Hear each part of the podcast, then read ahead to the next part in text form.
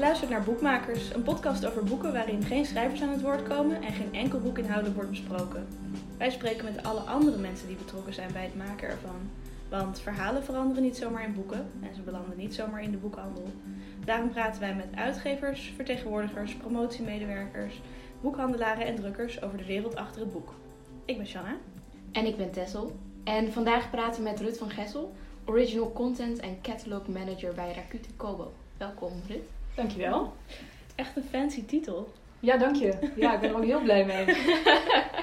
Gaan even kijken hoe je bij deze titel bent gekomen. Want je studeerde filosofie in Nijmegen, ging daarna werken als accountmanager bij Nieuw Amsterdam. En daar liep Shanna toen stage op de promotieafdeling.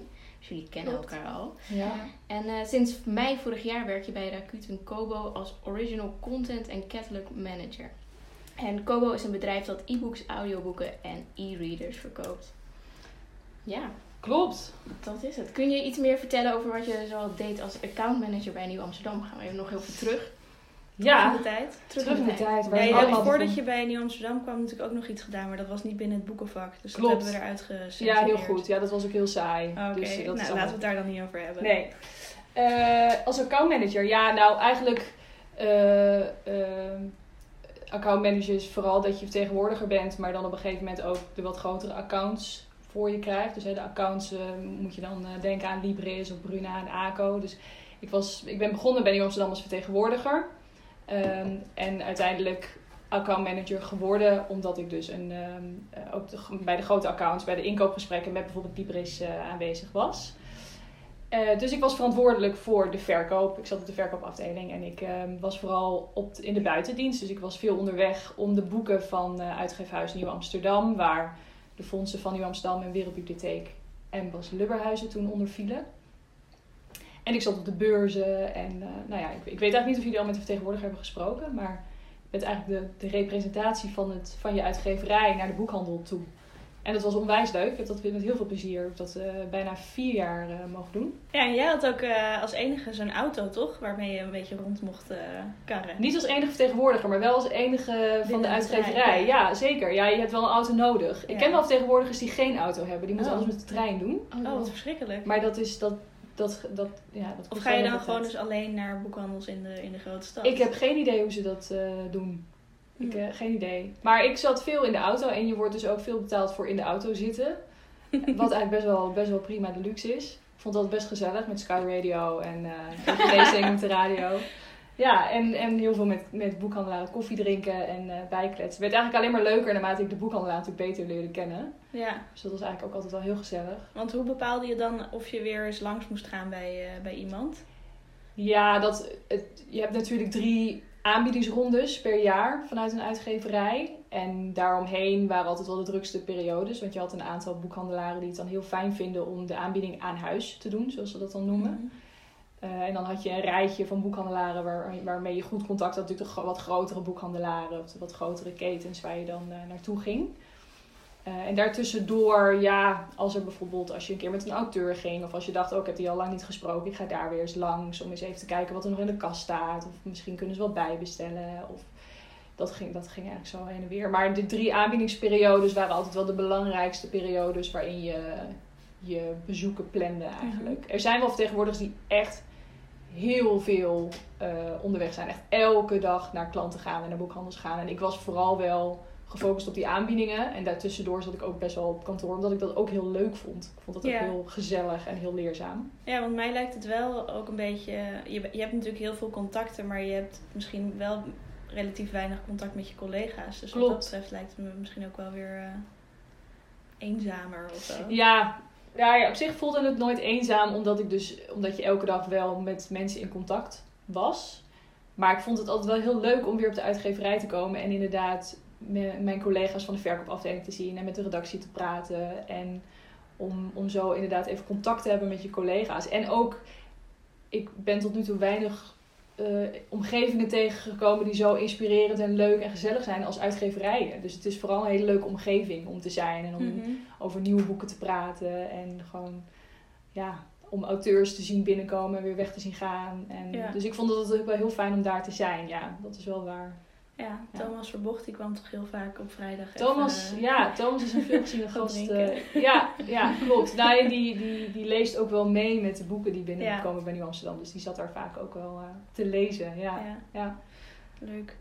En ehm, waarom eh, heb je uiteindelijk dan toch een switch gemaakt? Nou, ik merkte ehm, al best wel snel dat ik... Ik vond vertegenwoordiger zijn heel leuk. Het was een hele leuke manier om het boekenvak te leren kennen. Omdat je natuurlijk zowel de boekhandel leert kennen als de uitgeverij. Dus Ja. je leert meteen dat je niet blind moet staren op, op het uitgeven zelf. Je leert meteen ook zien waar zit de boekhandel eigenlijk nou op te wachten. Wat Ja. willen die eigenlijk en wat verkoopt en wat verkoopt niet. Maar ik, ehm, ik wilde heel graag wat meer inhoudelijk betrokken zijn. Ehm, Mhm. En dat, dat heb ik bij Nieuw Amsterdam ook wel mogen doen. Ik heb ook al op de redactie soms mee mogen kijken of mee mogen lezen. Maar ik merkte toch wel dat ik graag... Ik dacht toen graag een redactiebaan wilde krijgen. Omdat als je binnen het boekenvak iets inhoudelijker wil doen... dan Ja. denk je natuurlijk al snel aan Ja. redactie. Dus dat ben ik toen ook wel gaan onderzoeken. Ik heb toen onder andere met jullie natuurlijk in een masterclass gezeten. Klopt, Op de ja. UvA. Om, eh, over, voor het redigeren van fictie. En ik heb ook wel gesolliciteerd bij, bij uitgeverijen. En dan kwam het vaak, liep het vaak spaak op een gebrek aan ervaring. Want ik had natuurlijk eigenlijk Ja. alleen maar saleservaring. En ik was dan aan het concurreren tegen meiden zoals jullie die dan wel die master eh, hadden gedaan. Of natuurlijk tegen mensen die... Volgens mij vooral tegen mensen die gewoon al redacteur waren. Ja, dat kunnen jullie dan beter beoordelen. Ja, Ja, Ja, ik heb nooit geprobeerd, dus Oh, oké. om redacteur te worden. Dus Ja, mij nee, maar ik denk dat dat waar is. gehad. Nee, oké. Wilde even, wil, je wil even de lucht klaren. Ja, precies. Dat het niet zo ongemakkelijk is. Eh, Best wel niks. wijselijk door mond. Ik ja. zeg niks. Nee, heel goed. Nee, maar dat is waar. Ik ben Meestal, de, de, het argument was vaak dat ze voor iemand gingen die meteen van start kon en die natuurlijk wel wat meer ervaring had. Ja. Sowieso natuurlijk heel lastig, tenminste wat ik eh, dan hoor, om bij een redacteurspositie terecht te komen. Zeker, Ja. want ze, ze wisselen wel onderling. Er is vaak wel onderlinge verschuiving, Ja. maar uiteindelijk redacteuren kunnen lang blijven zitten. En redacteuren zijn natuurlijk onlosmakelijk verbonden met hun auteurs. Dus Ja. het, het is ook wel heel fijn voor, eh, eh, voor auteurs om dezelfde redacteur te blijven hebben. Dus het is heel moeilijk om daarin ehm, om door te stoten inderdaad naar zo'n, naar zo'n functie. Om verschillende redenen. Dus daar liep ik wel heel erg tegen aan.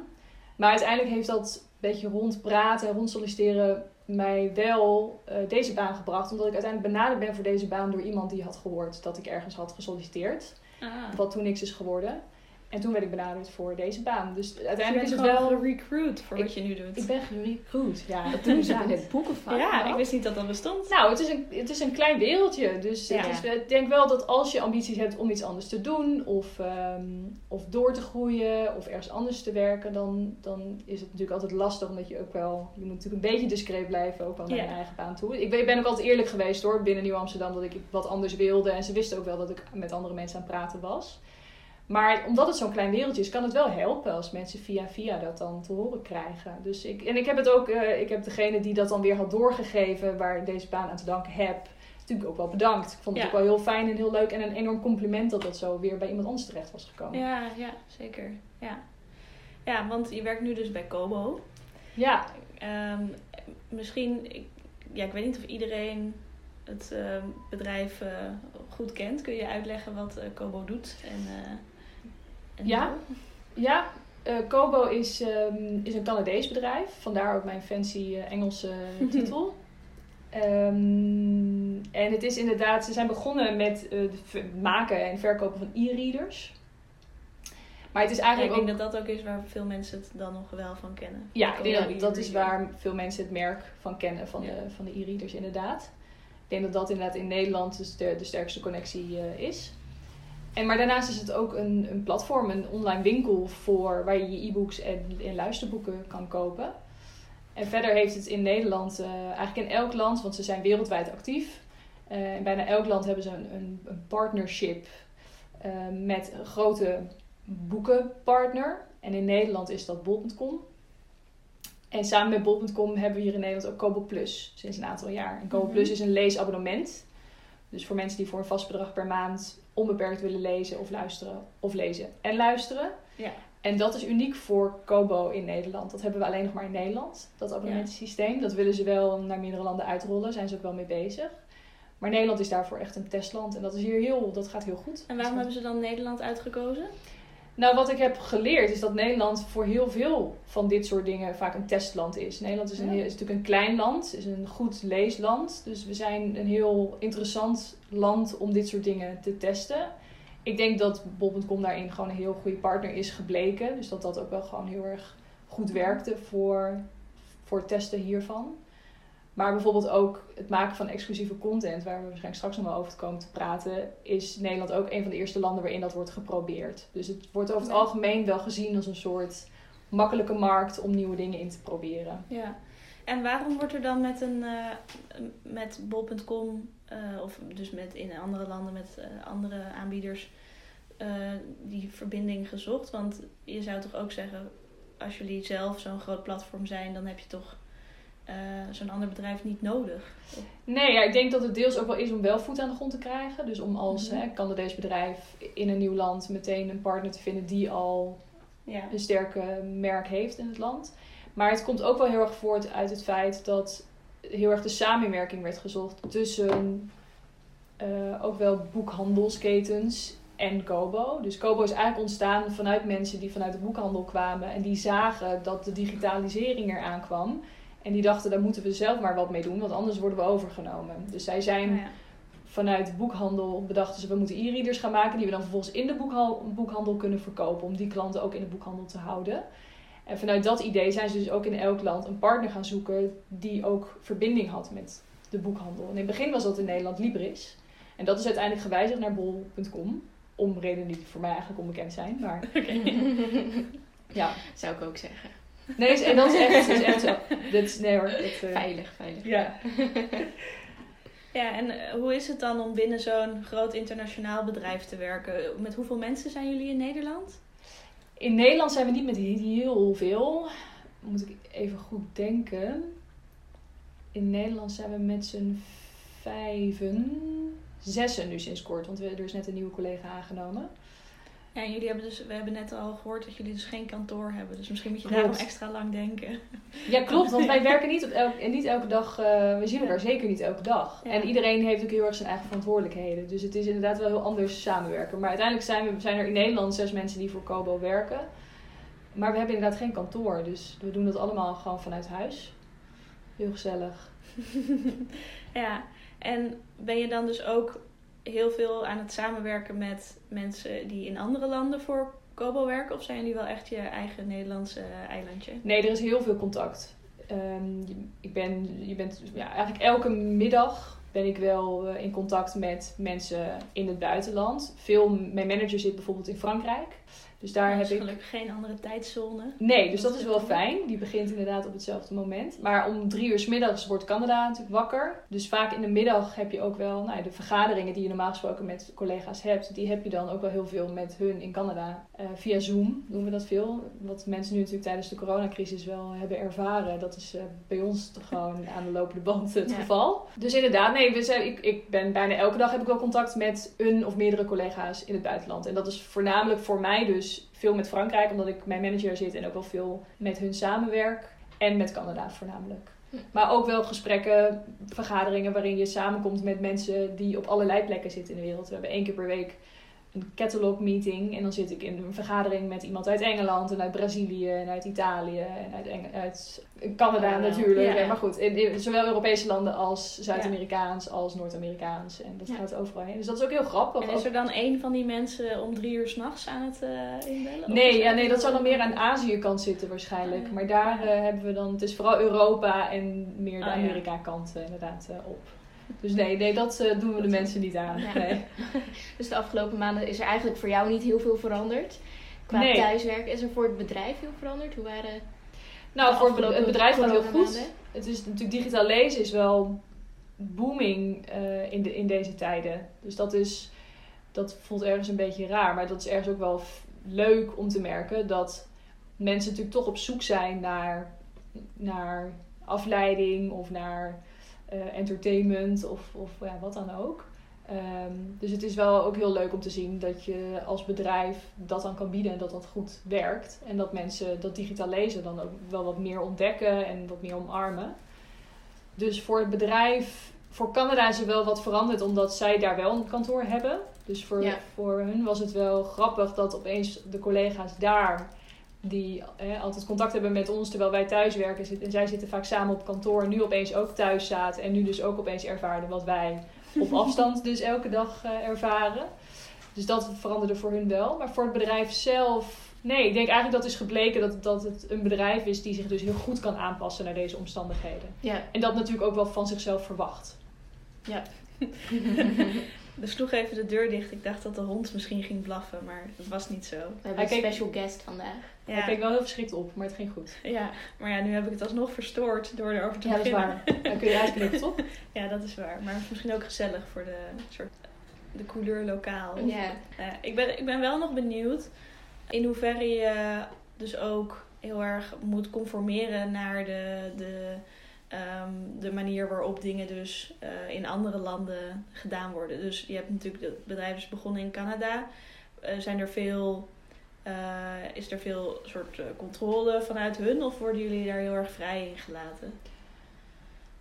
Controle zou ik het niet willen noemen. Het is natuurlijk wel zo dat je met verschillende landen en dus verschillende culturen en dus vooral ook verschillende markten te maken hebt. Ja, Maar het sterke aan Kobo is denk ik dat ze in elk land lokale teams hebben die bijna altijd ook zelf uit het boekenvak komen.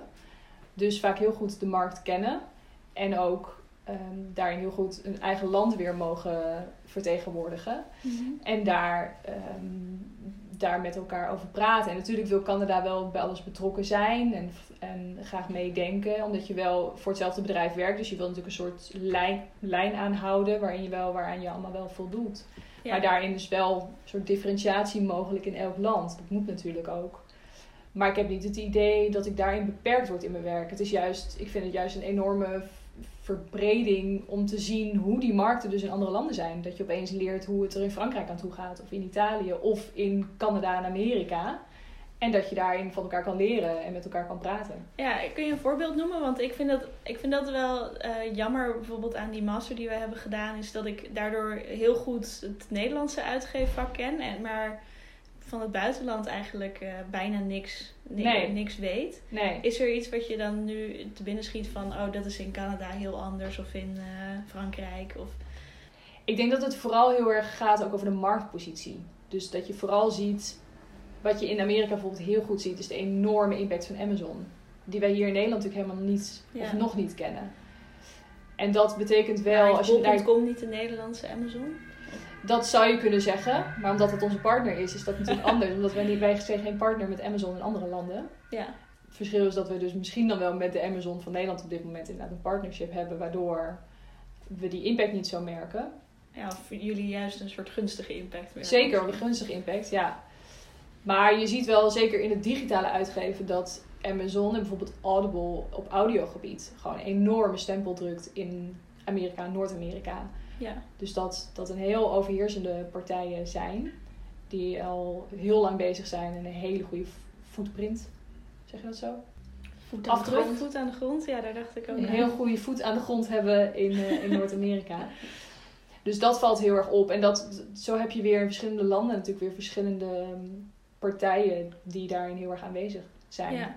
En wat is in Nederland de, de concurrentie? Je hebt natuurlijk, ja, iedereen kan, je kan overal e-books kopen in principe. Ja, nou je zou kunnen... Storytel heb je natuurlijk voor. Ja, op audio, Storytel, zeker. En nou ja, ik denk binnen digitaal lezen kun je natuurlijk ook aan de Biep denken. Daar kun je Ja. natuurlijk ook weer binnen een abonnementssysteem boeken lenen. Dus ik denk dat je daar binnen digitaal lezen in Nederland heel erg aan moet denken. Ja. Ja.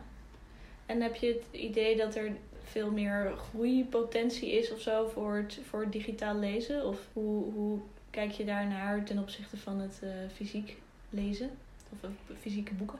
in combinatie met het fysiek lezen, ik denk dat, het, dat die twee niet, dat een groei in digitaal lezen niet per se een daling in fysiek lezen hoeft te betekenen. Ik denk dat dat ook echt wel twee verschillende groepen aanspreekt. Maar er zit zeker nog heel veel groei in digitaal lezen. We zien dat ook binnen Kobo Plus, ook die abonnementen, of sorry, de, de, de mensen die het abonnement hebben, eh, blijft stijgen. Of die een abonnement nemen, blijft stijgen. Eh, maar zeker op het gebied van audio is er natuurlijk nog heel veel groei mogelijk. Dat is in Nederland nog niet heel erg groot. Als je het vergelijkt met bijvoorbeeld Amerika Ja. of Scandinavië, waar het heel groot is. Dus zeker aan die kant zie ik ook nog heel veel groei. Mhm. Ik weet nog dat wij een keer bij een, eh, met onze master ook, een redacteur-editor, bij een soort conferentie waren over digitaal lezen. Oh ja. Kun Dat je het je nog heel langzaam terug. Ja, ja, ja. En toen werd er ook zo, een, eh, ja, in Utrecht. eh, en toen werd er, hadden ze zo eh, gezellig dat je dan met je telefoon eh, mocht stemmen op stellingen. En toen vroegen ze wie leest er wel eens digitaal. En wij waren met ons klasje dus echt bij far de jongste mensen in die zaal. We Mhm. waren dus volgens mij ook de enige groep die niet digitaal las. Ja, Omdat Ja. wij natuurlijk allemaal van die, ehm, boekennerd zijn. ja, Ja, jullie, jullie, zijn, Ja. jullie komen precies uit de richting waarin natuurlijk veel fysiek wordt gelezen. Ja, ja dus eh, wat ik, eh, ik, daar dacht ik aan en toen dacht ik, heb jij dus ook het idee dat er dus echt andere boeken, ander type boeken worden gelezen digitaal? Of dat het echt een andere lezer is? Of dat het misschien ook eh, samen, ja, dat mensen het ook combineren, dat hoor je op zich ook wel. Denk ik zeker ook wel, want ik, ik zie mijzelf ook wel als een nu, ik combineer het nu zelf ook wel. Terwijl ik hiervoor heel erg een, vooral een papieren lezer was, Ja, ben ik nu natuurlijk ook wel, omdat ik nu voor het bedrijf werk en nu een e-reader heb, ook wel een digitale lezer. En heb ik ook wel de gemakken eh, ontdekt van het digitaal lezen. Maar ik ben nog steeds zo'n lezer dat als ik een heel mooi boek heb gelezen digitaal, dat ik dan toch naar de boekhandel ga om hem te kopen. Om Omdat ik hem toch wel in de kast wil hebben. Dus Ja. die mensen bestaan denk ik ook wel. Qua type mensen, ja, kijk, wat wij bij ons natuurlijk vooral ook wel digitaal zien is, als je bijvoorbeeld naar Kobo Plus kijkt, zijn het ook wel de wat lichtere genres die heel goed lopen. Eh, het voordeel van Kobo Plus is denk ik omdat mensen een vast bedrag per maand betalen, dat ze er ook wel heel erg voor openstaan om iets nieuws te proberen. Dus Ja. de, de naam van de auteur is wat minder belangrijk. Het gaat veel meer op genre. Dus mensen vinden iets lekker om te lezen. En ze proberen gewoon alles te ontdekken wat er in dat genre te ontdekken ja valt. want we zaten een beetje naar het aanbod te kijken en we zagen inderdaad veel thrillers en Ja. veel van die... eh, Romance. Miont, Montefiore, Miont, hoe heet ze? Santa nou? Montefiore. Montefiore. Montefiore. Ja. Ja, achtige boeken. Ja. Weet je, dat ja, genre. Maar dat is dan niet het enige wat erin zit, lijkt me toch? Of, zeker niet. Uiteindelijk bieden we natuurlijk alle alles, boeken aan ja. die digitaal, of eigenlijk ja, of alle boeken waarvan een e-book of een luisterboek is gemaakt, bieden wij natuurlijk aan. ja. Niet per se in het abonnement, maar zeker altijd los. Maar kijk, een, een boekhandel, je hebt als je, dat heb ik natuurlijk als vertegenwoordiger ge- gemerkt, dat als je een boek aan de boekhandel aanbiedt, dan heb je natuurlijk altijd de boekhandel, het specifieke publiek wat in die boekhandel komt, de boekhandelaar die die boekhandel runt. Dat zijn natuurlijk allemaal smaken die zij meenemen in hoe ze inkopen.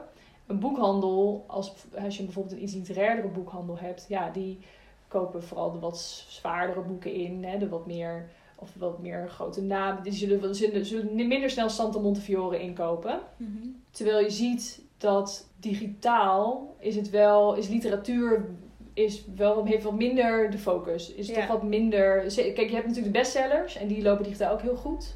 Maar als ik kijk bijvoorbeeld binnen Kobo Plus, zijn de veel lezers zitten vooral toch op de iets lichtere genres. Ja. Dus inderdaad net iets wat lichter verteerbare boeken. Ja, Ja. die heb je natuurlijk ook sneller uit. Dat is ook Ja, heb je als je een maand over uit. een boek doet, heeft het ook niet zo'n zin om een Kobo Plus abonnement te nemen, lijkt me. Nou, dan krijg je hem Nou niet ja. zo heel snel uit. Dat Nee, is wel. Maar nou, op zich, als je dus... Want het is eh 10 euro toch? Als Ja. je alleen Oh, een oké.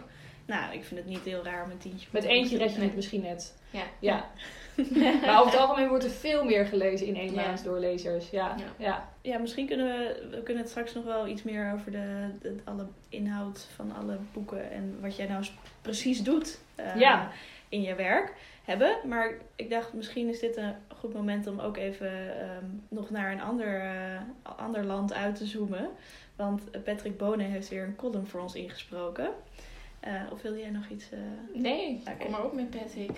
Ja, Patrick Bonen was hoofd van de verkoopafdeling van Uitgeefhuis Nieuw Amsterdam en later accountmanager bij het CB toen hij besloot om op wereldreis te gaan. Eh, maar de boeken die was hij niet vergeten en daarom bezoekt hij nu uitgevers, ja nu inmiddels dus niet meer, hij is weer terug in Nederland, Ja, met Eh, corona. corona, eh, van over de hele wereld. En hij heeft hiervoor verhalen geschreven voor de website inkt.nl.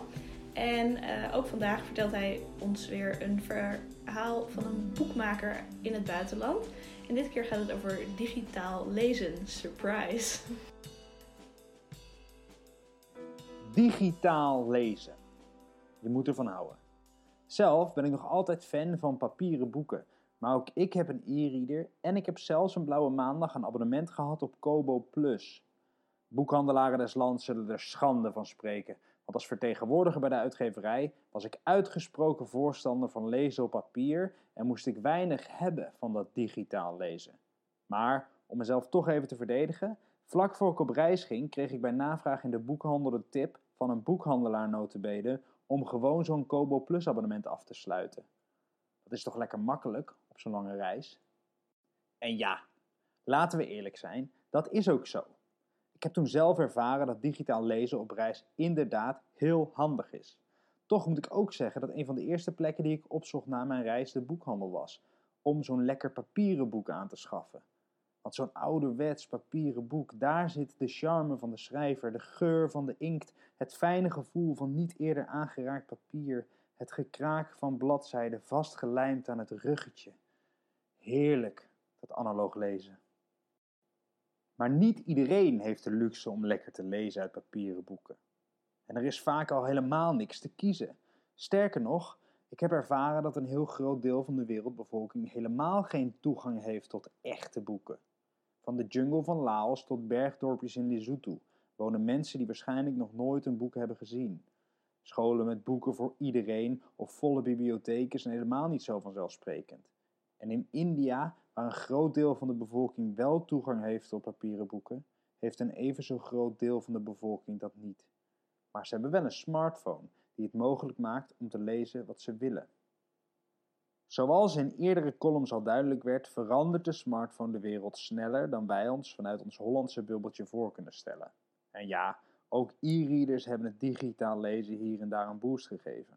Alleen zijn die uiteindelijk ook voor de elite. Relatief rijke bewoners die naast een smartphone ook nog geld hebben voor een gadget, als een e-reader. In India stuitte ik op een krantartikel waarin uiteen werd gezet dat, net als in het Westen, digitaal lezen nooit de vlucht heeft genomen die door traditionele uitgevers werd gevreesd. Toch begon uitgever Chiki Sarkar een uitgeverij waar digitale publicaties de basis zijn. Haar uitgeverij, genaamd Juggernaut, moet de kracht hebben om de tand destijds te verslaan. Chiki is Juggernaut gestart omdat ze ziet dat traditionele uitgevers moeite hebben om zich aan te passen aan de nieuwe realiteit. Stroperige besluitvorming, afspraken met grote retailers en angst voor omzetverlies, doordat beide voor elkaar in de weg zitten, zijn de belangrijkste redenen. Maar je kan niet doen alsof het niet bestaat en al helemaal niet alsof het niets bijdraagt. We zijn een bedrijf dat zich richt op een nieuwe vorm van uitgeven, wordt me verteld als ik in Delhi bijna op bezoek ben.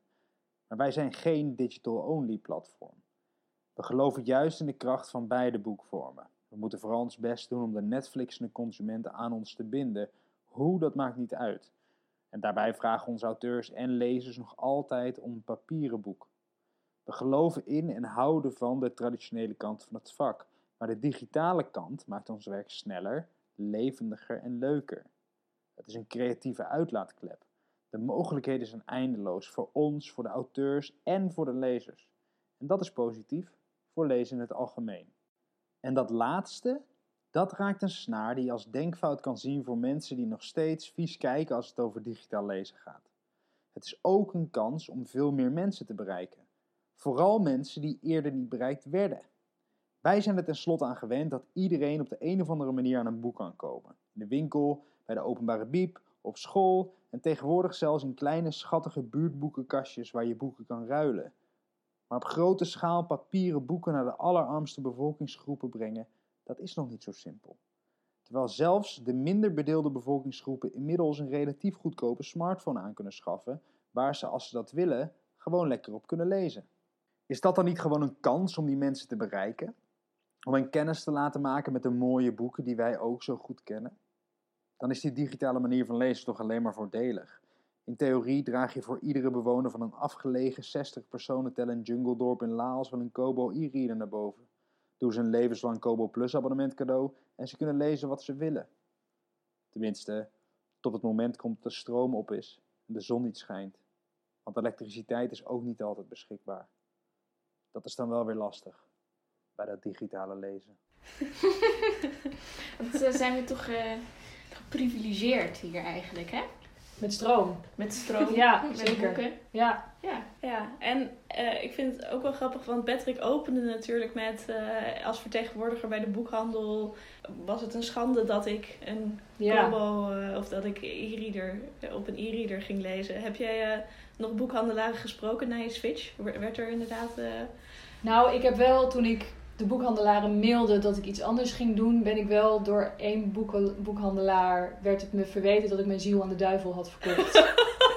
ja, Wauw, en werd er ook nog gezegd waarom? nee, ik denk dat dat, eh, dat dat voor hem heel duidelijk was waar dat door kwam. ja. Ja, nee, digitaal is natuurlijk, eh, wordt, en bol- bol.com in Nederland zeker, wordt natuurlijk wel een beetje als de vijand van de boekhandel gezien. En dat snap ik deels ook, maar ik ben het wel ook heel erg eens met wat Patrick zegt. Het was voor mij natuurlijk een heel nieuwe wereld, ook die digitale wereld. Maar ik denk wel dat het heel veel kansen biedt om inderdaad nog meer mensen te bereiken. En ook vaak mensen die dus niet in de boekhandel komen, ook kennis te laten maken met lezen. En misschien gaan ze daardoor uiteindelijk wel een keer naar de boekhandel. Ja, Je weet het niet. Ik ken eigenlijk ook niet heel veel mensen die veel op een e-reader of een audioboek. Ik, ik zit ook denk ik gewoon in een fysieke boekenbubbel.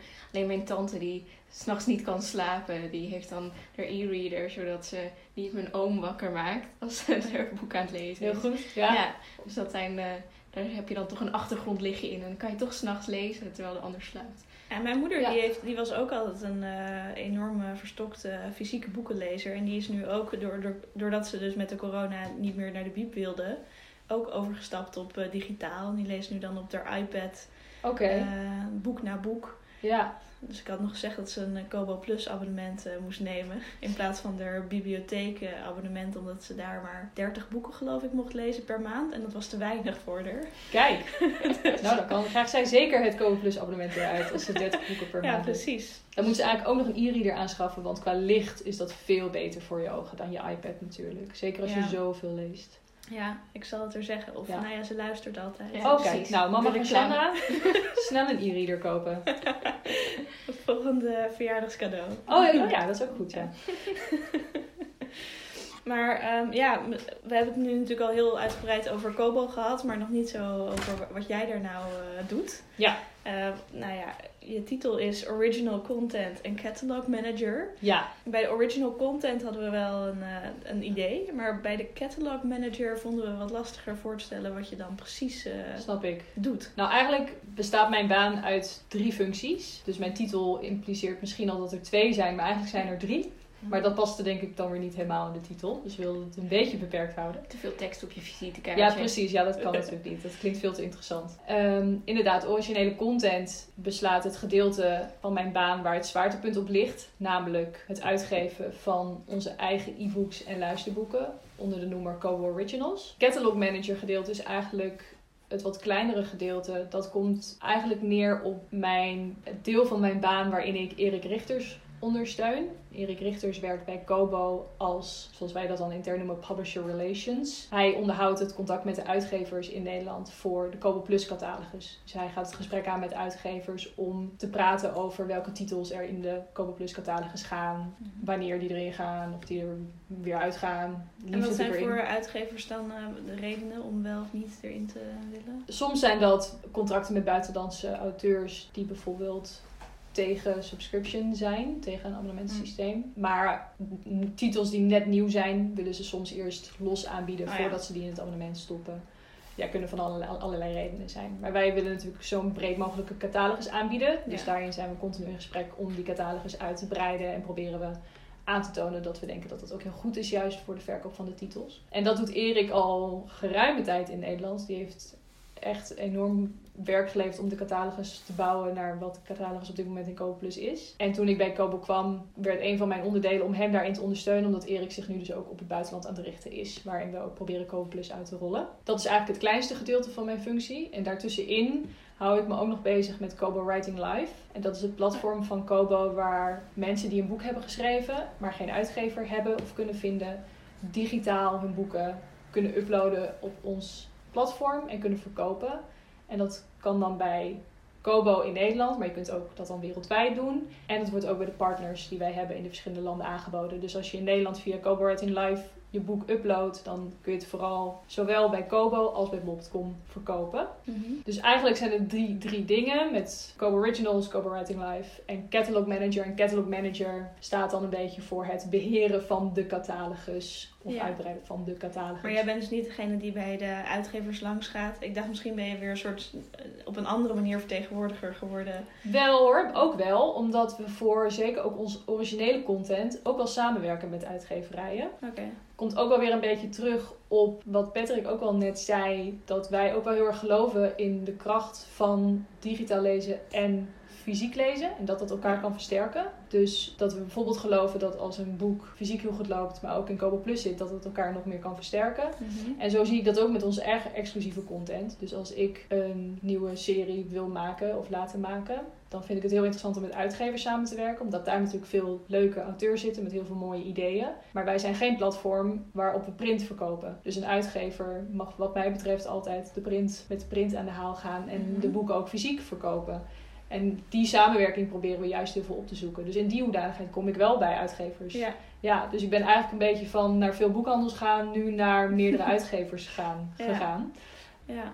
En ze staan daar wel voor open, over het algemeen. Verschil per uitgeverij natuurlijk. Sommigen zijn al heel actief bezig Ja. op het digitale vlak, anderen wat mindere, anderen wat minder. Dus ja, dat verschilt dus ook heel erg in hoe ze ervoor openstaan. Dat is natuurlijk, het, ligt, het houdt heel erg verband met. Het is natuurlijk heel moeilijk als ze zelf eigenlijk nog helemaal niet heel erg met digitaal bezig zijn, om dan de samenwerking aan te gaan op het digitaal vlak. Ze zijn dan Ja. natuurlijk, dan is het de eerste slag vaak die ze willen of moeten maken. Eigen boeken digitaliseren en die eens gaan aanbieden. Voordat je na gaat denken over helemaal nieuwe boeken die dan ook digitaal komen. Ja. Maar ik denk dat je een redelijk goede inschatting kan maken per uitgeverij hoe, dat, Ja. eh, hoe ze daarvoor openstaan. En natuurlijk voor Kobo Plus gaan we met elke uitgeverij in gesprek. Maar voor originele content of exclusieve content zijn er natuurlijk partijen die daarin beter matchen dan een ander. Ja, Hoe, hoe ziet een gemiddelde dag voor je eruit? oh, dat is echt elke dag anders. Ehm, het wordt alleen, het wordt redelijk bepaald door het feit dat je dus binnen een internationaal bedrijf werkt. En dat we dus vaak smiddags vanaf een uur of drie dus vaak in calls zitten. Ik, zit we zijn, ik ben heel erg aan het verengelsen in al mijn, Oh ja. in al mijn Ja. het is vreselijk. Meetings en calls. Calls. En wij praten ook, wat dus ook in de boekhandel altijd, of denk ik binnen het hele boekenvak altijd een beetje vies woord wordt gevonden. Wij praten ook over content. Oh ja. We praten eigenlijk bijna niet over boeken. Dat komt ook wel omdat we natuurlijk vooral een, ja, eigenlijk meer een digitaal bedrijf zijn. Het is natuurlijk eigenlijk meer, misschien wel zelfs een beetje een techbedrijf. Maar dat, eh, ik, dat moest, daar moest ik ook aan wennen. Omdat inderdaad toen ik vanuit, het boek, vanuit de uitgeverij kwam, kon je natuurlijk niet over boeken praten als content. Dat, eh, dat kon natuurlijk niet. Nee, nee. Ja, dat snap ik wel. Ja.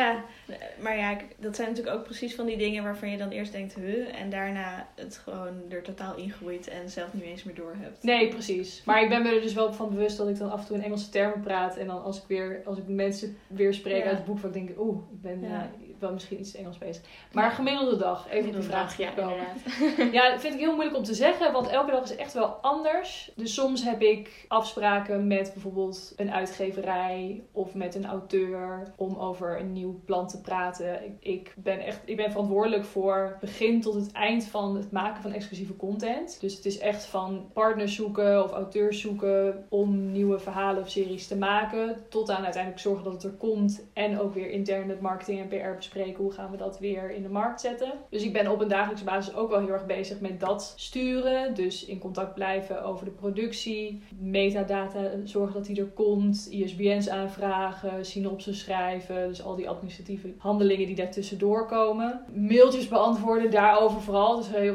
ik ben ook vooral heel veel mails aan het beantwoorden natuurlijk. Dat, daar komt het ook Ja. vaak gewoon op neer. Maar volgens mij is ieders baan uiteindelijk toch gewoon Ja, voor een heel maar groot vooral als je thuis e-mails Ja. beantwoorden. En je werkt Ja. natuurlijk thuis. Dus dan... Ja, dat is wel een beetje het risico. Omdat je natuurlijk mijn baan van zowel acquisitie naar uitvoering gaat, Ja. is het soms heel makkelijk om helemaal opgeslokt te worden door de administratieve dingen of het beantwoorden van de mails. Terwijl je moet natuurlijk continu ook op zoek naar nieuwe ideeën en gesprekken Ja. voeren over nieuwe ideeën. En dus dat is, vind ik wel heel erg de uitdaging om en continu een beetje opgeslokt te worden door de baan van de dag. En ook weer tijd te nemen om achterover te leunen en denken, ja, maar wat willen we, Ja, met waar moeten we naartoe? dat is een mooie vierkantje toch met urgent en belangrijk. Hebben jullie deze? Is Nee. urgent en belangrijk niet hetzelfde? Nee, er is dus, je hebt dingen die zijn belangrijk en urgent. Je hebt dingen die zijn onbelangrijk en urgent. En dan heb je dingen die zijn belangrijk maar niet urgent. En dingen die zijn onbelangrijk en niet urgent. Oké, ja. Laat En maar dan- zitten. Ja. En, en wat dus vaak gebeurt is dat je alle dingen urgent doet. Mhm. En dus dan belangrijk en onbelangrijk urgent. En dat daarmee de belangrijk met niet urgent. Dus eh, het bedenken van nieuwe plannen of het eh, acquireren van nieuwe auteurs. Dat dat dan dus eh, naar de achtergrond verdwijnt. Omdat je dus eh, door al die urgente dingen wordt Ja, opgeslokt. Nou, Het precies staat dat. heel, eh, heel uitgebreid in het boek Grip van Rick Pastoor. Kijk, nou, die moet ik duidelijk even lezen. Dit was inhoud? Shanna. Oh ja, Wat doe je? Nee, maar dit is een hele algemene, hele algemene Ja, maar het klopt wel. Ik denk dat veel over- mensen het... Ja, Ja, ik vind dat ook echt de grootste uitdaging in Ja. mijn werk. Om dus, ik probeer dan altijd in mijn agenda gewoon zo'n blok in te plannen voor dit vind ik belangrijk, maar Ja. is niet urgent. Om dan daaraan vast te houden en niet mee te laten sleuren door eh, Ja, je alle af en toe... e-mailtjes en dingetjes die gebeuren. Ja, eigenlijk moet je af en toe gewoon even of je computer uitzetten of in ieder geval je mail uitzetten. Ja, En, eh, en je gewoon even een paar uur focussen op wat belangrijk, maar niet urgent. precies. Ik zou willen beargumenteren dat het ook wel, nou ja, urgent, ja, wat versta je dan onder urgent? Dat moet op de ja, korte termijn mij, ja, van er is een hele duidelijke deadline dat snel moet. Nee, klopt. En ik denk dat dat ook wel heel grappig is dat ik dat nu heel erg. Dat ik natuurlijk van een functie ben gegaan als vertegenwoordiger. Is je leven best wel overzichtelijk. Je plant je agenda zo druk als je zelf wil, met afspraken. Daarnaast wordt er natuurlijk ook wel door boekhandelaren wel beroep op je gedaan om bepaalde vragen te beantwoorden. Of iets uit te zoeken, of iets op te sturen of in te voeren. Maar het was redelijk overzichtelijk. En dit is voor mij wel de eerste baan waarin er dus altijd nog meer te doen is. Of, Ja. Dat is natuurlijk als vertegenwoordiger ook wel. Ja, ik snap wel. Maar hier bedoelt. moet je ook wel. Je moet, anders gebeurt er gewoon helemaal niks. Je moet Ja. echt op zoek weer naar nieuwe projecten. En ehm, dus die balans inderdaad tussen wat er van je gevraagd wordt. En daarin merk ik dat ik nog steeds een soort van de vertegenwoordigersgeest heb. Dat ik heel dienstverlenend wil zijn. Dus snel wil antwoorden, Ja. snel wil helpen. Maar dat gaat dan ten koste van het grotere plaatje en van inderdaad nadenken over, ja, wat gaan we nu, wat ga ik nu doen? Of ik moet daar eens mee gaan praten. Of, dus die balans, dat- dat is nu wel voor mij heel, eh, dat is wel een nieuwe uitdaging. Het is wel heel interessant om ook te leren hoor. Ja. Maar dat is wel eh, anders dan hiervoor. En hoe bepaal je dan, als je dus dan de tijd hebt gevonden om Ja. te gaan nadenken over wat een leuk project zou kunnen zijn voor als nieuwe original. Eh, hoe bepaal je dan wat je ja, wat, wat geschikt is? Want ik zag dat jullie bijvoorbeeld nu recent over de iconische momenten in de wielergeschiedenis Ja, eh, iets hadden gemaakt, maar dat jullie bijvoorbeeld ook een heel audiodrama hadden gemaakt. Ja. Dus van een soort thriller. ja. Eh, ja, wa- wat, wat, hoe bepaal je wat eh, geschikt is? Nou, met het Originals programma zijn we nu ongeveer twee jaar bezig. In 2018 zijn de eerste titels uitgekomen. Ehm, en om een beetje achtergrond te geven, het Originals programma voor Kobo bestaat nu nog alleen in Canada, in Frankrijk en in Nederland. Dus we zijn er eigenlijk nog maar in drie landen bezig met die exclusieve content. En hoe we bepalen wat een original wordt of wat we gaan doen, ja, dat verschilt eigenlijk een beetje. Het idee is dat we originals natuurlijk eigenlijk vooral ook wel maken voor het Kobo Plus publiek. Omdat we natuurlijk binnen de catalogus iets exclusiefs willen Ja. bieden. En we hebben natuurlijk een redelijk goed zicht op wie die klanten zijn. Dus we kunnen ook redelijk goed zien waar hebben zij behoefte aan. Dus ik probeer in wat wij maken als exclusieve content heel erg die groep te bereiken. Aan de andere kant wil je ook voor oppassen dat je ja, daar alleen door laat leiden. Dus inderdaad, bijvoorbeeld zo'n wielerserie of wielerverhalenserie die ik heb gemaakt in samenwerking met uitgeverij De Muur, is ook wel een poging om eens een keer een nieuw publiek te bereiken. Een iets meer mannelijk publiek, om iets meer Ja, ook om iets in non-fictie te doen, om iets in sport te doen. Ook gezien deze sportzomer. Dus het is ook, het is deels op, tussen haakjes op veilig spelen. In de zin dat je denkt, dit is wat onze klanten graag willen lezen. En die Ja. wil je graag bedienen. En daarnaast wil je ook nieuwe dingen proberen. En de audiodrama's of audioseries die jij noemde, is daar ook wel een goed voorbeeld van. Wij bieden nu sinds een jaar luisterboeken aan binnen Kobo. Mhm. Dus toen we daarmee begonnen, begonnen we natuurlijk ook binnen ons eh, exclusieve contentprogramma daar dingen mee te doen. En op audiogebied valt er natuurlijk nog heel veel te experimenteren. Je hebt natuurlijk luisterboeken, wat gewoon puur boeken zijn die door een stemacteur worden Ja. En je hebt natuurlijk podcasts, zoals, zoals eh, deze natuurlijk. maar je kunt ook, ehm, je kunt ook denken aan echt meer geacteerde audioseries. En Ja. dat is wat we tot nu toe ook wel gedaan hebben. We hebben nu twee audioseries gelanceerd, waarvan er eentje wat meer op een ouderwets hoorspel lijkt. Eh, en eentje echt veel meer een soort moderne serie is, maar dan om naar te luisteren in plaats van Mhm. naar te kijken. Dus dat voelt bijna als een beetje een soort penosa of overspel serie die je op tv zou kijken, maar dan op je oren. Ja, En dat is weer een soort nieuw genre wat je dan weer kan ontdekken en waar ja we ook weer proberen te echt een ontwikkelen. boek, denk ik, toch? Nee, Maar- het is veel meer, ja, au- audio entertainment. Ik weet eigenlijk niet hoe je het moet noemen. Maar het is wel voor de audiogebruiker natuurlijk. Ja. Maar het is leuk om daarin te experimenteren en te kijken wat is daarin mogelijk. En hoe kun je ook mensen verrassen. En voor mensen die bijvoorbeeld nog niet zo gewend zijn of nog niet zo'n fan zijn van luisterboeken, kan het ook een leuke tussenweg zijn. Om te Ja, te ontdekken wat audio allemaal kan doen of wat kan zijn. Ik denk dat voor heel veel mensen podcasts dat ook wel zijn. ja, voor mij Ja. is een podcast wel ook echt weer heel... Want ik luister wel heel veel podcasts, maar ik luister dan niet echt audioboeken. Omdat ik het heel moeilijk vind om, om echt mijn concentratie erbij te houden als iemand iets aan me voor zit te lezen. ja, dat herken ik wel, ja. Eh, en wat dat betreft is dus misschien zo'n eh, zo'n serie ook juist wel weer interessant. Om... Ja, Maar ik vraag me wel af of ik daarmee dan over de streep zou worden getrokken. Of tenminste, ik, want ik sta op zich wel willend er tegenover. Maar Mhm. ik ben er gewoon niet zo goed in. in eh, Nee, ik herken dat wel. Ik boeken luisteren. Ja, klopt. Ik, wil, ik denk dat ik ook wel lees om verrast te worden door mooie zinnen. Of, en het zelf fysiek lezen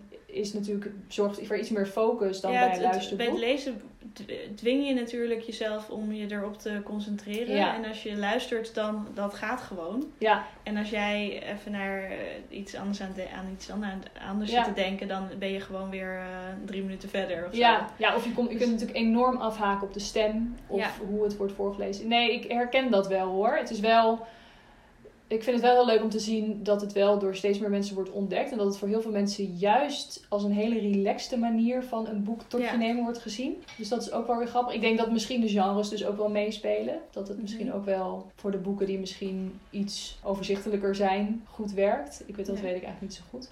Maar ja, ik weet het niet. Ja, ik, ik, ik weet dus ook niet per se of dus zo'n audioserie mensen dan vervolgens ook aan de luisterboeken zet. Maar dan, het is in ieder geval een, een manier om ze naar audio te krijgen. Dus Ja. het kan ook zo zijn dat ze alleen dat dan lekker vinden. En dat willen we natuurlijk dan ook bedienen. Meer van maken. Ja, en het is een hele leuke manier om te ontdekken. Er is gewoon op audiogebied zoveel te doen en zoveel.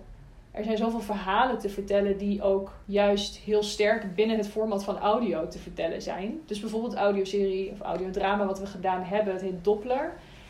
En dat gaat over een man en een vrouw waarvan de man omkomt in een auto-ongeluk.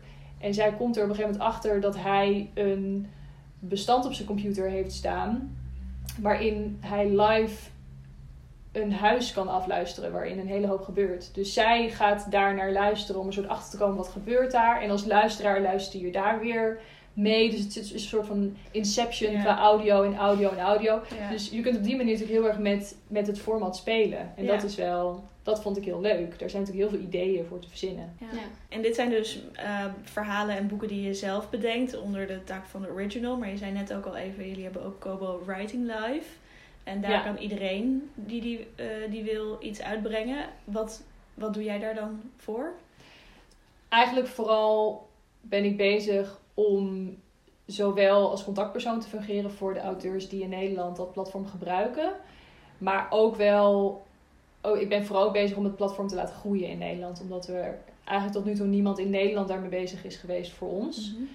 Ehm, dus ik ben vooral ook bezig om ook nieuwe mensen te bereiken, om mensen te laten weten dat het bestaat. Er zijn natuurlijk wel eens onderzoeken geweest over mensen, over hoeveel mensen in Nederland wel eens een boek hebben geschreven. Ah, of iedereen of zo. dus ja, of één op de vijf of zo. Ik weet het eigenlijk niet precies. Maar ehm, het is natuurlijk een, een grote droom van heel veel mensen. En heel veel mensen die een boek schrijven of met een boek bezig zijn, hebben natuurlijk ook wel heel snel print dan in hun hoofd. Dat ze dat heel graag willen.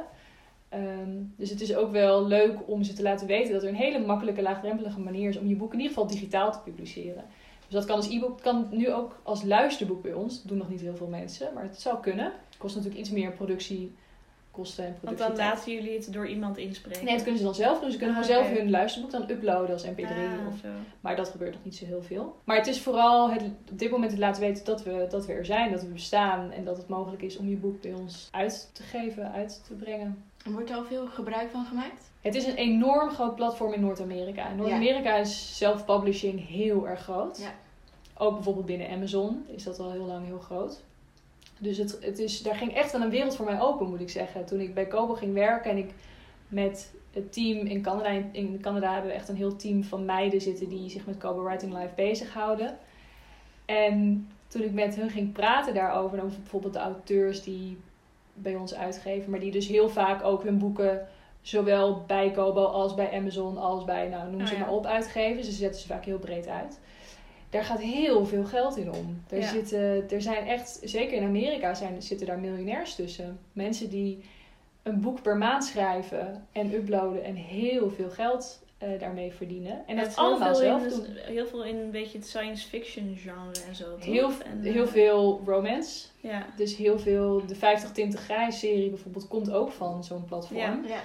Een fanfiction is het fanfiction. Ja. eigenlijk kun je het zo gek niet bedenken of, Ja. eh, of je, kunt het, eh, je kunt het er vinden. Dus daar ging, ik moet zeggen, dat, dat is in Nederland nog helemaal niet zo het geval hoor. Of ik, in Europa breed overigens, denk ik, is dat ook nu niet te vergelijken met Amerika. Maar dat is, dat is bizar. Er gaat, daar zitten ook, het grappige is dat er in Amerika ook nog weer hele uitgever, een soort van uitgeverijen ontstaan. die dan weer dat zelf, die het via self-publishing platformen uitbrengen. Ja. Maar je hebt, of, hè, wat is dan de constructie? uitgevers die dus meerdere auteurs onder zich hebben die al dan niet onder een pseudoniem boeken schrijven. Echt gewoon een boekenproductiefabriek bijna. En in plaats van dat ze dan die boeken drukken en in de winkels neerleggen, hebben ze gewoon een account waarmee ze alles op allerlei self-publishing platformen Oh, in de wordt digitale gewoon winkels. Geprint en of oh, wordt niet eens geprint. Ik denk dat dat heel vaak niet eens in fysieke vorm wordt geprint. Misschien ook wel hoor, maar ze focussen zich vooral heel erg op heel veel volumes Mhm. en allemaal digitaal. En wat is dan het voordeel voor die, voor die auteur dat hij niet zelf allemaal hoeft eh, in te vullen? Ja, weet ik eigenlijk niet. Ik denk dat er dan wat meer ook PR-marketing achter zit vanuit zo'n uitgeverij. Nee, het, het platform is natuurlijk vooral voor mensen die zelf schrijven en zelf willen publiceren. Ja. Dus het is natuurlijk vooral voor mensen die... Maar wij zien natuurlijk dat er veel geld bij volume vandaan komt als het meer een uitgeverijvorm Ja, bijna wordt. Met meerdere auteurs die vanuit die uitgeverij uitgeven. Maar hier in Nederland is het vooral, leer ik eigenlijk steeds meer auteurs kennen die dus aan het schrijven zijn. En En is dat dan ook een strategie om dus bijvoorbeeld nieuw talent te vinden die dan Zeker. originals kan maken en zo? ja, nou, 50 Tinten is dus een eh, heel goed voorbeeld. Ja. Dus je zou de nieuwe E.L. James daar kunnen, kunnen ontdekken. Nee, zeker. Het is, het Dus wordt je leest ook wat daar verschijnt. Of nee, niet alles ongetwijfeld, maar... Nee, maar we houden dat zeker in de gaten. Wij kunnen natuurlijk zien als een boek opeens heel goed verkoopt. Of als iemand het heel goed doet. En natuurlijk hetzelfde met ehm, boeken die in het Engels in Canada worden of in Amerika worden geüpload. Ik heb binnen het Originals programma heb ik nu drie vertalingen al van series die het dus in het Engels heel goed deden. Oh. Die vanuit Copywriting Live komen. Die we vertaald hebben naar het Nederlands en nu als Originals hier aanbieden. En eh, doen die het dan in Nederland ook goed? Of eh, verschilt dat? eh? Dat verschilt natuurlijk, maar we kijken dan dus vooral naar genres die ons publiek heel erg aanspreken. En wat ik net zei, het is gewoon heel leuk om te merken binnen Kobo Plus dat het dus heel vaak niet per se om een auteursnaam gaat, maar Ja. veel meer om is dit een genre wat ik heel graag lees. En als dat zo is, dan vinden mensen het gewoon heel fijn om te lezen. En dan kun je ze ook redelijk, kun je ze natuurlijk binnen Kobo Plus redelijk makkelijk bereiken en laten weten dat het bestaat. En dan willen ze het wel proberen. En als dan vervolgens de content goed genoeg is, dan eh, vinden ze dat heel fijn. En dan maakt het eigenlijk helemaal niet uit dat dat een een of andere onbekende auteur uit, eh, Ja. uit Canada of Noord-Amerika of waar dan ook is. Is dat eigenlijk anders, eigenlijk het omgekeerde met fysieke boeken? Denk ik, althans wat je weet vanuit je ervaring als accountmanager. Nou ja, het is natuurlijk altijd moeilijker om een onbekende naam of een debutante boekhandel in te krijgen. Zeker. Ja. ja, ja. En dat is natuurlijk ook, kijk, online of digitaal is dat natuurlijk ook, je moet natuurlijk wel, oh, en dat is het grappige hoor, waar je heel veel, waar ik ook wel heel erg van onder de indruk ben, is dat zeker als je naar die auteurs kijkt, dus in Noord-Amerika, die zijn heel goed in hun eigen PR en in hun eigen marketing. Die zijn daar heel actief mee en die weten dus heel goed hun eigen lezers te bereiken en dat op te bouwen en daardoor dus heel goed te verkopen. Dus het is natuurlijk hier in nee, of als je fysieke boeken hebt en je wil in de boekhandel komen, dan heb je eigenlijk sowieso al een uitgever nodig. Dan heb je ook nog, moet je ook nog ingekocht worden door de boekhandelaar van, of de inkoper Ja. van die boekhandel. Dus daar zijn een aantal poorten waar je langs moet om uiteindelijk in de winkel terecht te komen. En het voordeel van self-publishing is dat je sowieso in die winkel terechtkomt. Ja. En dan, wordt, dan gaat het daadwerkelijk om, is je kwaliteit goed genoeg? Of heb je geschreven wat mensen dus echt fijn vinden om te lezen? Dus het gaat dan Ja. echt veel meer om de inhoud en ja, hoe vinden mensen... En als mensen dat dan fijn vinden, dan bouwt zich dat wel op. En Ja. natuurlijk moet je ook voor zichtbaarheid zorgen. Want het nadeel is, omdat dus ook alles erin gestopt kan worden, dat er ook enorm veel concurrentie is. Dus je moet natuurlijk wel zorgen dat je daar op een of andere manier tussen uitspringt. En dat is natuurlijk ook wel wat ik probeer te doen met onze auteurs in Nederland. Dat je ze natuurlijk ook probeert te helpen. Van, oh, je hebt een nieuw boek. Laat het me weten. Misschien kunnen we kijken of we het ergens zichtbaarheid kunnen geven. Of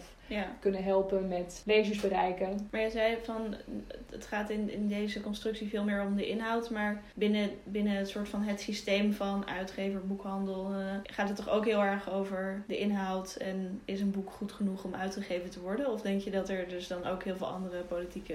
Nee hoor, oh sorry, nee, zo bedoelde ik niet. Alleen bij ons gaat het dan natuurlijk vooral om de inhoud en wat de lezer daar daadwerkelijk van vindt. Terwijl Ja. bij fysieke boeken heb je eerst al de mening van de uitgever, van de redacteur en dan heb je ook nog de boekhandelaar. En dan, als die dat allemaal goedgekeurd hebben, Dan pas dan heb je de mogelijkheid om bij de lezer terecht te komen. Ja. En bij ons kun je natuurlijk meteen de lezer bereiken. Dus het, natuurlijk gaat het ook hè, bij inkoop uiteraard om de inhoud. Alleen bij ons is er geen vraag of je in de winkel terechtkomt. Dat kom je, tenzij er natuurlijk, daar- we, kijken natuurlijk, we filteren wel problematische titels er natuurlijk uit met illegale inhoud of, eh, of wat dan ook. Maar dat je in die winkel komt en dat je die lezer kan bereiken, dat is Ja, gegarandeerd. Ja. En dan vervolgens ga je merken wat de lezer daarvan vindt. En als hij het niet vindt, ja, dan, dan word je hard afgerekend.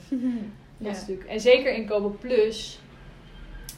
Ja, Eh, hebben mensen waar- natuurlijk ook geen enkele drempel. Nee, want het, kijk, het voordeel van losse boeken verkopen is natuurlijk, je boek is verkocht. En als mensen het daarna niet lezen of niet uitlezen, ja, dat maakt niet uit, want ze hebben toch al betaald. En in Kobo Plus stoppen ze gewoon met lezen. En dan stopt de betaling natuurlijk ook. Dus dat merk je meteen of mensen het dan wel of niet eh, leuk vinden. Ja. Ik denk dat we misschien eh, wel moeten gaan afronden. Of heb jij nog een, eh, een laatste, laatste vraag? Wil jij nog iets kwijt? Wat, we nog niet, niet hebben kunnen zeggen?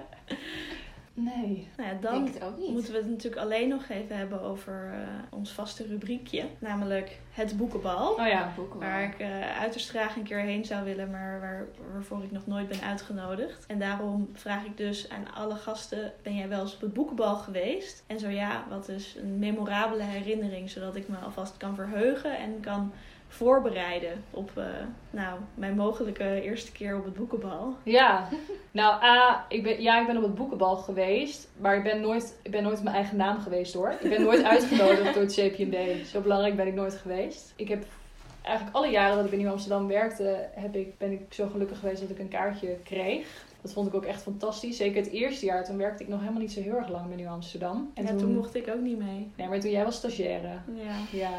Ken je plaats. ja, nee, je had het al hartstikke verdiend hoor. Maar je had natuurlijk ook nog Marco, die was samen met jou, dus Ja. hadden we Marco ja, ook wel. Marco. Nee, ik, zou- ik zou dat als stagiair denk ik ook, heel- zou ik ook heel erg van gebaald hebben. Maar ik vond het toen ook al, ik dacht, ja, oh, ik zou wel heel graag willen. Maar ja, ik kan dat natuurlijk nu niet verwachten dat dat dan ook maar Nee. gebeurt. En toen gebeurde dat toch wel, en dat was heel leuk. Dus wat je net zei, daar kan ik me alvast op verheugen. Dat moet je ook vooral doen. Want eigenlijk is dat een van de leukste delen van überhaupt het hele boekenbal. Je erop verheugen en een beetje de anticipatie van tevoren. Ik heb, meestal hoor je, omdat, dus, omdat je altijd, is altijd afwachten of je dan een kaartje kreeg. En of er een kaartje over was. Dus meestal hoorde ik het heel laat, soms op de dag zelf. dat ik mocht gaan. Eh, maar soms hoorde je het dan iets langer van tevoren. En dan had je dus nog iets meer de tijd om dan met collega's alvast een beetje verhalen op te halen en ehm, de spanning op te bouwen. Maar ja, meest memorabele herinnering. Ja, in de afgelopen jaren ben ik me steeds meer gaan realiseren dat elke keer als ik, als ik er ben geweest, dat het vooral in mijn herinnering en ook altijd dus in de voorpret altijd een memorabele avond is. Maar als ik het daadwerkelijk ben, dat ik ook altijd minstens drie tot vijf keer op een avond denk, hoe deed ik dat ook alweer vorig jaar? Hoe had ik het hier ook weer eh, leuk? Wat is het geheim van het boekenbal? Ja, waar moet ik zijn? En dan ben je naar de wc geweest, ben je iedereen weer kwijt. En dan loop je weer in je eentje door die, door die gangen en denk je, ja oké, is dit nou heel leuk? Waar gebeurt het? Waar moet ik heen? Ga ik nog leuke mensen tegenkomen? En uiteindelijk eh, komt het ook altijd dus wel weer goed. En kom je altijd wel weer of een leuk persoon tegen. Of je leert een leuk nieuw persoon kennen. Want dat is wel mijn ervaring, dat het heel makkelijk contact maken is. Met ook mensen die of bekende mensen die als je die hier in een kroeg in Amsterdam tegen zou komen niet zo snel zou aanspreken. Maar op het boekenbal heerst dan toch nog iets meer de sfeer van nou we zijn hier allemaal dus we horen er Ja. blijkbaar ook allemaal wel bij. Dus je hebt best wel snel contact. Ik denk dat ik in het begin ook nog wel heel erg dacht. Er worden dan hele inhoudelijke, intelligente gesprekken gevoerd. Maar dat is in mijn ervaring valt dat wel een beetje tegen. Het is toch vooral heel veel geouwe. Of- Of mee, ja, misschien wel. Nou, het lijkt mij best interessant om een keer een heel inhoudelijk, intelligent gesprek met een of andere niche-schrijver te hebben. Maar Ja. het is mij nog nooit Het is nog overkomen. nooit gelukt. Nee, Volgende keer heb je een, Ja, een missie. doel. Ja, een doel. Ja. ja, ja, goeie. Maar nee, het is vooral heel veel, eh heel veel hoer en heel veel eh, rondgeloop en, eh en gedanst. Meestal kun je er ook goed dansen. Dus ik vind, het is, ik vind het is een heel vreemd feest wat dat betreft. Het is een soort van moeilijk de vinger op de zere plek te leggen wat het nou, wat het nou ook nou zo leuk maakt. Ik weet het ook nooit zo, eh, nooit zo goed. Maar ik kom er toch altijd wel weer heel vrolijk vandaan. nou, vind ik prachtige, prachtige Ja, laatste wil je nu woorden. eigenlijk toch weer gaan? Want de vorige gasten hebben het misschien soms toch een beetje verpest. Ja. zeiden dan, ja, eigenlijk is het toch niet zo leuk als je denkt dat het is. Ja. Nou ja, je moet dus wel heel goed eh, in je eentje het gezellig kunnen hebben Ja. ook. Dat Ja. is wel, je moet vooral lekker twee wijntjes Ja, achterover ik zal binnenkort gooien. dan een keer met mezelf uit eten gaan of zo. Om alvast een Nee, want dat is niet te vergelijken. Oh. Nee. Oh, met mezelf uitgaan, eh, kan niet. Nee. Nee, het is eigenlijk... Want ik Alleen ben er ook helemaal niet zo goed in. Maar op boekenbal, Ja, dan gaat het. dat, ja. dan doe je dat wel. En je moet vooral eh, observeren. Vooral rond Ja. gaan kijken. Nou, ik kan niet wachten. Ik denk dat eh, we daarmee aan het einde zijn gekomen van deze aflevering van Boekmakers. Dankjewel Rut, leuk dat je hier was. Graag gedaan. En natuurlijk ook Patrick bedankt. Wil je meer van Patrick's verhalen lezen? Kijk dan op inkt.nl met een C. Of beluister een eerdere aflevering van Boekmakers. Vind je dit een leuke podcast? Volg ons dan op Instagram, boekmakers. En laat natuurlijk een review achter op iTunes, want dat helpt ons om door anderen gevonden te worden. Over twee weken zijn we weer met een nieuwe aflevering. Tot dan!